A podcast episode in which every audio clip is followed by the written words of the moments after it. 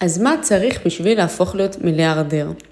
ברוכים הבאים לעוד פרק בפודקאסט. מי כמונסקי יודעת, היום אנחנו נדבר על בעצם איזשהו ציוץ, איזשהו משהו שנהיה ויראלי, על אשתו הראשונה של אילון מאסק, שהסבירה לקורא ששאל שאלה, מה דרוש כדי להפוך להיות מיליארדר.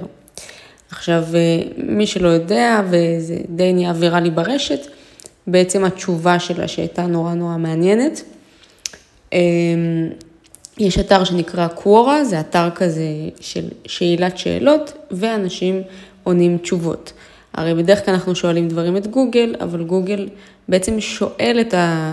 כאילו מהמילה להשאיל את השאלה, את התשובה מכל מיני כתבות, ואז התשובה היא לא קונקרטית או לא נכונה או לא מספיק מעמיקה. אז לא היה מקום לשאול שאלות כמו שצריך, אז פתחו את קוורה, אתר מאוד מעניין, אפשר ללמוד ממנו המון המון המון. זה ממש חצי רשת חברתית כזאת, כאילו, אנשים ממש שהתשובות שלהם פופולריות, הם אה, מדורגים שם יותר גבוה וכן הלאה וכן הלאה. אפשר גם להטמיע שם לינקים לכתבות ולעשות שיווק עצמי, אבל זה באמת למי שיש כוח לענות שם על שאלות כל היום. אז אנחנו נצלול ישר למה שהיא כתבה. בעצם עשו על זה כתבה שלמה וזה נהיה נורא נורא ויראלי, כל, ה... כל התשובה שלה בעצם, שהיא הייתה מאוד מעמיקה ומעניינת. היא עצמה, אשתו הראשונה של אילון מאסק, היא סופרת, אה, בחורה מאוד חכמה ומעניינת, וגם התשובה שלה אה, עושה שכל. אז אה, אני אתחיל לקרוא לכם, אני מקריאה את זה מאנגלית. בסרטון שהעליתי זה היה מוגבל לי ל-90 שניות, אז ככה השמטתי הרבה חלקים. פה אני ממש אה, ארחיב לכם אה, לעומק ואנתח כל דבר שהיא רשמה. אז שמה של אשתו הראשונה של אילון מאסק זה ג'סטין מאסק. היא אשתו הראשונה, הם הכירו בגיל 18, היא דחתה אותו שוב ושוב ושוב, אה, עד שבעצם הם התחתנו, בערך שהיא הייתה בת 20. היו גרים ביחד בדירה, היה להם עוד שלושה שותפים. אחרי כמה שנים הם עברו כבר אה, לדירה יותר אה, נורמלית, רק שניהם, והיה להם בעצם אה, כלב תחש, עד כמה שזכור לי. בקיצור, הייתה חיה איתו בתחילת דרכו בתנאים הגרועים ביותר. אז ג'סטין מאסק, אישה שיודעת דבר או שניים על אושר ועבודה קשה, הרי הגרוש שלה זה למעשה אילון מאסק, שהוא היום המנכ"ל של טסלה, ושל ספייסקס, שהוא ממייסד של פייפל, אה, וההון שלו מוערך במעל 12 מיליארד דולר. אז אה, בואו נגיד ככה שהוא עונה על הקריטריון מיליארדר. אז לאחרונה היא בעצם פרסמה את התשובה לשאלה של הקורא, ששאל את השאלה הבאה, האם אני אהפוך להיות מיליארדר אם אני נחוש להיות אחד ומוכן לעשות את כל העבודה הדרושה? אז קודם כל היא אמרה לא, ואז היא אמרה, השואל שואל את השאלה הלא נכונה. והיא נותנת לו ממש משל, אתה נחוש, אז מה? אתה עדיין לא שחית בעירום במים שורצי כרישים, היא כותבת לו.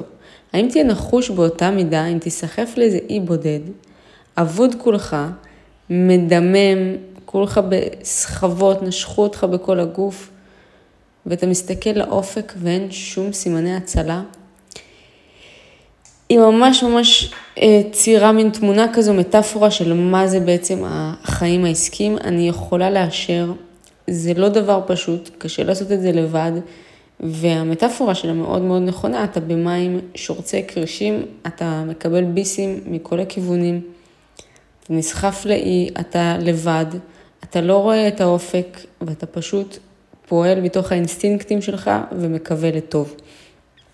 זה חיים עסקיים, אה, לפחות בליגה הגדולה, לא בליגה הקטנה, לא לכל אחד זה מתאים, אה, וזה בסדר. אני לא חושבת שיש משהו אחד שמתאים לכולם, נכון שיש טרנד של יזמות ועסקים וחופש כלכלי, בלה בלה בלה. זה לא לכולם, זה ממש לא לכולם. לחלק מהאנשים עדיף להם להישאר במשרה שלהם, המשכורת שלהם, אה, לתת שם ערך, לקבל משכורת בחמש בצהריים לכבות הטלפון וללכת הביתה. אה, לחלק מהאנשים זה יותר מתאים, הכרתי הרבה אנשים שזה מה שיותר מתאים להם, ואין להם שום סיבה לפתוח עסק, כי הם פשוט לא ישרדו. פשוט מנטלית, המוח שלהם לא מכוות לזה. אתם יודעים, בבית ספר 12 שנות לימוד, ממש חיוותו אותנו לקבל ציונים, להגיע כל יום, מהבוקר עד הצהריים, להכין שיעורי בית, לגשת למבחנים, לא מודדים אותנו ביצירתיות, לא בכישרון, לא ביזמות, רק בציונים ורק במקצועות שהכריחו אותנו ללמוד, בשביל אה, ככה להכין אותנו לשוק העבודה. אה, אז גם יש הרבה אנשים שהיו תלמידים גרועים ואומרים אני יזם, זה לא בהכרח קשור, לא כל תלמיד גרוע יכול להיות יזם. אה, אתה צריך להיות יזם טוב, נכון, הרבה פעמים זה מישהו שהיה תלמיד גרוע, אבל לא בגלל שהוא אידיוט, אלא פשוט כי ככה הסיסטם הזה לא התאים לו. אה, והמערכת לא הצליחה להכניע אותו, כמו שאני מרגישה שקרה לי. אז נמשיך מהמשל, שהיא אומרת לקורא שהוא נשוך כולו על אי בודד אחרי שהוא שרץ במים אה, עם המון המון כרישים שנשכו אותו. אה, לא נעים, לא נעים בכלל. אבל אז היא מציעה לו איזושהי עצה, שזה יפה, היא פשוט יכלה להגיד לו לא ולהמשיך בחייה, אבל היא החליטה לתת לו עצה. תשנה את הפוקוס שלך ממה שאתה רוצה, במקרה הזה מיליארד דולר, ותיכנס לעומק ותהפוך להיות סופר סקרן לגבי מה העולם רוצה וצריך. תשאל את עצמך, מה, מה יש לך, למה יש את הפוטנציאל להציע שהוא כל כך מיוחד, כל כך מושך, כל כך יעיל, שאף מחשב שלא יוכל להחליף אותך, שאף בן אדם שיגייסו לא יוכל להחליף אותך, שאף אחד לא יוכל לגנוב לך את המוצר ולעשות את זה טוב יותר, ולהעיף אותך בחזרה לאנונימיות ולחוסר הצלחה. ואז תפתח את הפוטנציאל הזה. בעצם, כן, יש פה עבודה של מחשבה, להפסיק את האובססיה מהמטרה שאני רוצה, שזה הכסף, שזה העושר, שזה הפרסום, ולחשוב מה העולם צריך. מי שראה קצת באמת רעיונות של אילון מאסק, אני נתפסת עליו בגלל שאשתו כתבה את התשובה הזו, אה, זה פשוט היה ילד שהיו מציקים לו בדרך אה, חזרה מבית ספר, היו זורקים עליו פחיות. אז הוא היה חוזר הביתה ומסתגר במשחקי מחשב. נורא נורא אהב משחקי מחשב. ופשוט אחרי זה איכשהו הגיע לתכנות קוד, כי ידע שאפשר לעשות מזה כסף והוא יוכל לקנות מחשבים טובים יותר. לא היה לו שום שאיפות מעבר לזה, אה, וזה הגיע רק בהמשך. פשוט הייתה לו באמת אהבה למחשבים. הוא לא שאף להיות הבן אדם העשיר בעולם, הוא לא שאף להיות מפורסם, הוא לא שאף שיהיו לו הרבה עוקבים. זה הגיע אחר כך, הוא קודם חשב מה העולם רוצה, מה העולם צריך. כשהוא פתח את פייפל, זה היה שהוא זיהה פוטנציאל שהאינטרנט התחיל, והוא הבין שיש לזה פוטנציאל, והוא רצה להיות חלק מהפוטנציאל הזה.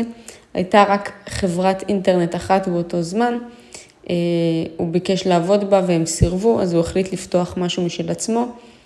באותו זמן הוא היה באמצע תואר, וביקש מהפרופסור שלו, תקשיב, אני הולך לפתוח חברה באינטרנט, זה כנראה ייכשל. אם זה ייכשל, אני יכול לחזור ל, ל, לקורס בתואר, והוא אמר לו כן. והחברה הזאת צמחה להיות אה, פייפל, היו לו עוד כמה מיזמים שכולם נכשלו, אבל פייפל זו החברה שהצליחה. אז שוב, תזהו מה העולם רוצה ומה העולם צריך. במקרה הזה, לאינטרנט היה צורך, העולם רצה את זה, העולם מתקדם לכיוון הזה. זה לא היה ממטרה להתעשר. אחרי זה שאתם מזהים את הדבר הזה, אתם יכולים לפתח את הפוטנציאל הזה. הדבר הבא שהיא מייעצת, תבחר דבר אחד, ואז תהפוך להיות מאסטר בו. אה, אתם יודעים, יש אה, חוקיות מסוימת, אומרים שבשביל להפוך להיות מאסטר במשהו, צריך להשקיע בו מעל עשרת אלפים שעות. עכשיו, כמובן שזה לוקח זמן, וזה מאוד חשוב, ואנשים היום הרבה פעמים מחליטים על איזשהו מקצוע, עושים איזה קורס של איזה פעם בשבוע וחושבים שעכשיו הם מומחים. מי שסיימה קורס חושבת שהיא עכשיו מאפרת, מישהי שסיימה קורס חושבת שהיא מתכנתת, מישהו שסיים קורס חושב שהוא מהנדס. זה לא עובד ככה, צריך הרבה זמן. אה, לא סתם רופאים אה, לומדים אה, שבע שנים, עושים סטאז'ים, יש לזה סיבה. כנ"ל אדריכלים וכנ"ל כל המקצועות האלה, עורכי דין וכן הלאה וכן הלאה. אז תבחרו דבר אחד ותהפכו להיות מאסטרים בו, ואז תבחרו דבר שני ותהפכו להיות מאסטרים גם בו. שימו לב שזו עצה ממש ממש מעניינת, כי רוב האנשים אומרים לכם, תתמקדו במשהו אחד ותהיו בו הכי טובים. היא אומרת משהו אחר, תהפכו שני דברים להיות מאסטרים בהם. למה זה? היא אומרת שאתם הופכים להיות מאסטרים בשני עולמות, לצורך הדוגמה כמו אילון, אה, הנדסה ועסקים. אתם יכולים להביא את שני העולמות האלה ביחד, בצורה שא' תציג אה, רעיונות זה לזה, ועוד פעם נותנת משל לחזקה ומשלים, הם יוכלו לעשות סקס של רעיונות, וייצרו להם ילדי, ילדי רעיונות שאף אחד לא ראה לפני כן. בעצם היא אומרת שהשני העולמות יכולים ליצור רעיונות חדשים, כי הם אה, לא נפגשו לפני כן, ואתה באמת מאסטר בשני התחומים האלה.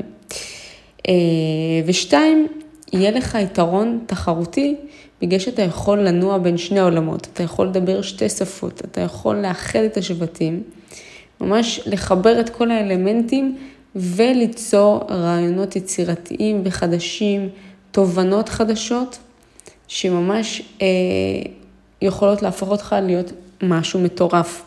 הרבה אנשים שאנחנו מכירים שהם נורא נורא נורא מצליחים, זה בגלל שהם איחדו שני כישרונות כאלה. פתאום שקראתי על זה, חשבתי גם על עצמי, וחשבתי גם על הרבה אנשים שאני יודעת שעשו את הדברים האלה. עכשיו, איך חשבתי על זה על עצמי? אני על עצמי, אנחנו לא רואים את הדבשת שלנו, אני לא יודעת במה אני טובה. אבל באמת שהתראיינתי אצל אחד המנטורים שלי, אה, אז הוא אמר, שני הכישרונות שלך זה האופנה והסושיאל, כאילו זה שני שרירים מאוד חזקים שלך שאת משלבת. ואף פעם לא חשבתי על זה ככה, כאילו חשבתי שסושיאל זה משהו שכולם עושים, לא חשבתי שזה איזה כישרון שלי. אבל בתכל'ס זו חוזקה מאוד חזקה שלי, זאת אומרת, אני לימדתי מאות אנשים איך אה, להתמקצע בזה, אפילו אלפי אנשים. אה, אז כן, הוא ציין את זה בפניי, ואז זה אה, הדליק לי את הנורה. אני חושבת שיש לי עוד המון המון כישרונות, אבל זה בהחלט שני כישרונות חזקים, ובגלל זה בעצם העסק של האופנה שלי מצליח, בגלל שאני משלבת אותו עם השריר המאוד חזק של הסושיאל. אה, אז אתם יכולים לחשוב על שני דברים שאתם מאסטרים בהם, או רוצים להפוך להיות מאסטרים בהם, ולשלב אותם. זה יכול ליצור דברים חדשים שבאמת העולם טרם ראה לפני כן. עכשיו, השילוב שלי הוא פחות נדיר, יש עוד חברות שעושות את זה, אבל וואלה, אני חושבת שאפשר לעשות דברים עוד יותר יצירתיים שהעולם לא ראה. ואז היא מוסיפה לו קצת מיני ביקורת כזאת. העולם לא פשוט זורק מיליארד דולר על בן אדם בגלל שהוא רוצה את זה, או בגלל שהוא עובד קשה, או בגלל שמגיע לו. היא אומרת, העולם לא אכפת לו מה אתה רוצה או מה מגיע לך. זה לא מעניין אותו. עניים באפריקה, נכון, מגיע להם אוכל ומגיע להם מים ובגדים נקיים ותשתיות. אבל לעולם לא אכפת, זה המצב שלהם. באמת, לעולם לא אכפת. העולם נותן לך כסף בתמורה למשהו שהוא תופס אותו כשווה ערך או בעל ערך רב יותר. מה זה אומר? כמו שאני יכולה להגיע ל... אתן לך דוגמה מהעולמות שלי, שזה אופנה ומשפיענים, שעכשיו דיברנו על זה. בא בן אדם לחנות, אה, והוא רוצה חולצה. או שהוא נותן לי כסף, בגלל שהוא מאמין שלחולצה יש ערך גבוה יותר עבורו מאשר הכסף שהוא נותן. נניח חולצה 100 שקלים, והוא מאמין וואלה, החולצה הזו נלבש אותה המון, זה שווה ערך, הנה, קחי 100 שקלים. מצד שני, הבן אדם הזה גם יכול להיות משפיען, בואי, אני אעלה לך סטורי, זה יביא לך אנשים, במקום התשלום. זה גם איזשהו ערך שהבן אדם הזה נותן, אז יש כל מיני סוגים של ערך. במקרה הזה יש סחר חליפין, אני נותנת חולצה, אני רוצה כסף או פרסום, או אולי דבר אחר שנותנים לי בתמורה, אולי בן אדם אחר ייתן לי איזה... נעשה בארטר ויש לו שרשרת שאני רוצה לעצמי ובא לי להחליף. אה, יש הרבה הרבה סגנונות של החלפת ערך, אבל העולם ייתן לך כסף רק כשהוא אה, תופס את מה שיש לך כבעל ערך רב יותר או שווה ערך. מקווה שזה מובן. משהו שמשנה את כל האספקטים של התרבות, משהו שמאבד אה, סיפור שהוא קיים או מציג סיפור חדש. למה סטיב ג'ובס כל כך התעשר? הוא הציג את המחשב האישי הראשון. לפני זה היו רק מחשבים כאלה בכיתות, היה מחשבים אולי למתכנתים, לא היה לאנשים מחשב בבית. עוד לפני האייפון הוא הציג את המחשב הביתי הראשון, היום לכולנו בבית יש מחשב. לפני זה, זה לא היה ככה. היה אולי מחשב בכיתות, בקמפוסים, לא היה לאנשים מחשב בבית. אז הוא הציג את הדבר הזה. לאחר מכן הוא גם המציא את האייפונים, את הסמארטפונים, בעצם מטלפונים שהם רק יודעים להתקשר, טלפון שהוא חכם. הוא הציג, פה הוא כבר לא המציא משהו, זאת אומרת, אלכסנדר גרהם זה מי שהמציא את הטלפון, את כל הנושא הזה של להתקשר אחד לשני. אז הוא עשה עיבוד לרעיון קיים. אז בשני המקרים, וזה גם מספיק בשביל להתעשר, הוא לא היה צריך להמציא אה, קורקינט מעופף, הוא היה צריך בסך הכל לאבד רעיון קיים. אז אה, זה גם משהו שהוא אפשרות, ליצור משהו חדש או לאבד רעיון שהוא קיים. תחשבו איך אתם יכולים לעשות את זה. הרבה סטארט-אפים, הרבה דברים, אה, זה רעיונות שהם קמים על משהו קיים, על איזשהו פתרון בעיית ביניים. יש לזה אין סוף רעיונות. אז כמו שאמרתי, העולם מתגמל אתכם לפי הערך שאתם נותנים. אתם יכולים אולי לשנות את הדעה שבה אנשים חושבים לגבי קטגוריה מסוימת, אולי להפוך אותה לשמישה ב... ביומיום, משהו שאי אפשר להשתמש בו ביומיום, ופתאום אה, הופכים אותו כן לשימושי אה, ונגיש לכולם.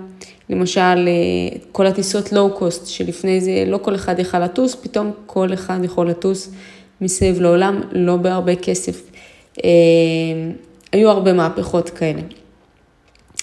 עוד היא אומרת, אין מפת דרכים, אין איזושהי שיטה בשביל הדבר הזה שאתם כולם מפרסמים כל מיני שיטות, שיטות להתעשר מהר, אין, אין שיטה, אין באמת שיטה. נכון, יש סיסטמים שיותר עובדים, סיסטמים שפחות עובדים, אבל אין שיטה אחת ודרך אחת להמציא את הדבר הבא. הרבה אנשים ייתנו לכם המון עצות, הרוב יהיו ממש גרועות, ואולי חלק מהן גם יהיו טובות ויישמעו אה, נחמד, אבל אתם תצטרכו לפצח את זה לבד. אה, זה לא חל עליכם, בגלל שאתם באים מזווית שהיא לא צפויה. זאת אומרת, למשל הנרי פורד אמר, אם הייתי שואל מה אנשים רוצים, הם היו אומרים לי סוסים יותר מהירים. הם לא חשבו על הרכב, הוא בא עם הרכב.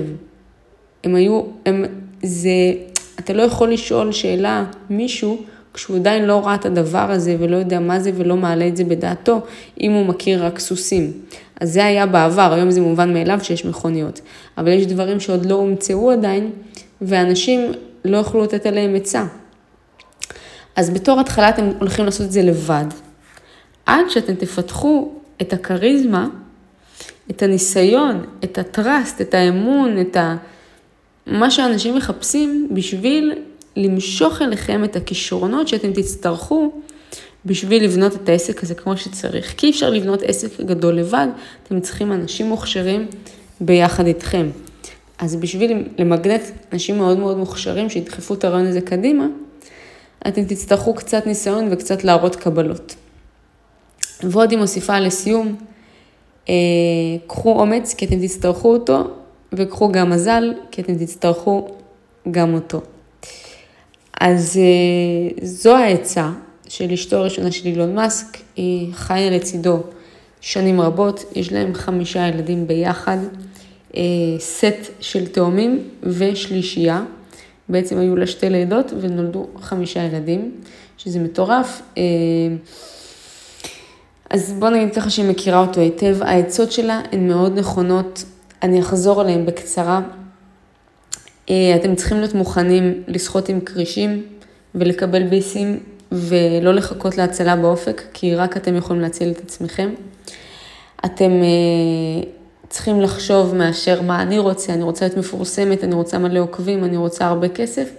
תחשבו מה העולם צריך ורוצה, תפתרו לו את זה, ואז הכסף יגיע. אתם צריכים קודם לתת את מה שהצד השני צריך, ואז הוא ייתן לכם מה שאתם צריכים. ככה היקום עובד. הוא לא זורק סתם כסף על אנשים, הוא רואה אם אתם נותנים משהו שווה ערך, ואז מתגמל אתכם בהתאם. האם אתם מוצאים אנשים לעצמאות? האם אתם עוזרים לאנשים לאהוב את עצמם? האם אתם אה, משפרים מהירות של משהו? רק ככה העולם יוכל לתגמל אתכם כלכלית. תהפכו להיות מאסטרים בשני תחומים ואז תשלבו אותם, כך יהיה לכם יתרון תחרותי וגם תוכלו להבזיק רעיונות שטרם נראו. אמ, ותתכוננו לעשות את הדרך הזאת לבד, בהמשך האנשים יגיעו רק אחרי שיהיה לכם ניסיון, שתהיו תותחים, שיהיו לכם קבלות. אה, זהו, פרק קצר, נחמד, לעניין, מקווה שלקחתם מכאן משהו, אני ממש אהבתי את זה, זה מסכימה עם כל מילה. אה, זהו, נתראה בפרק הבא, תודה רבה.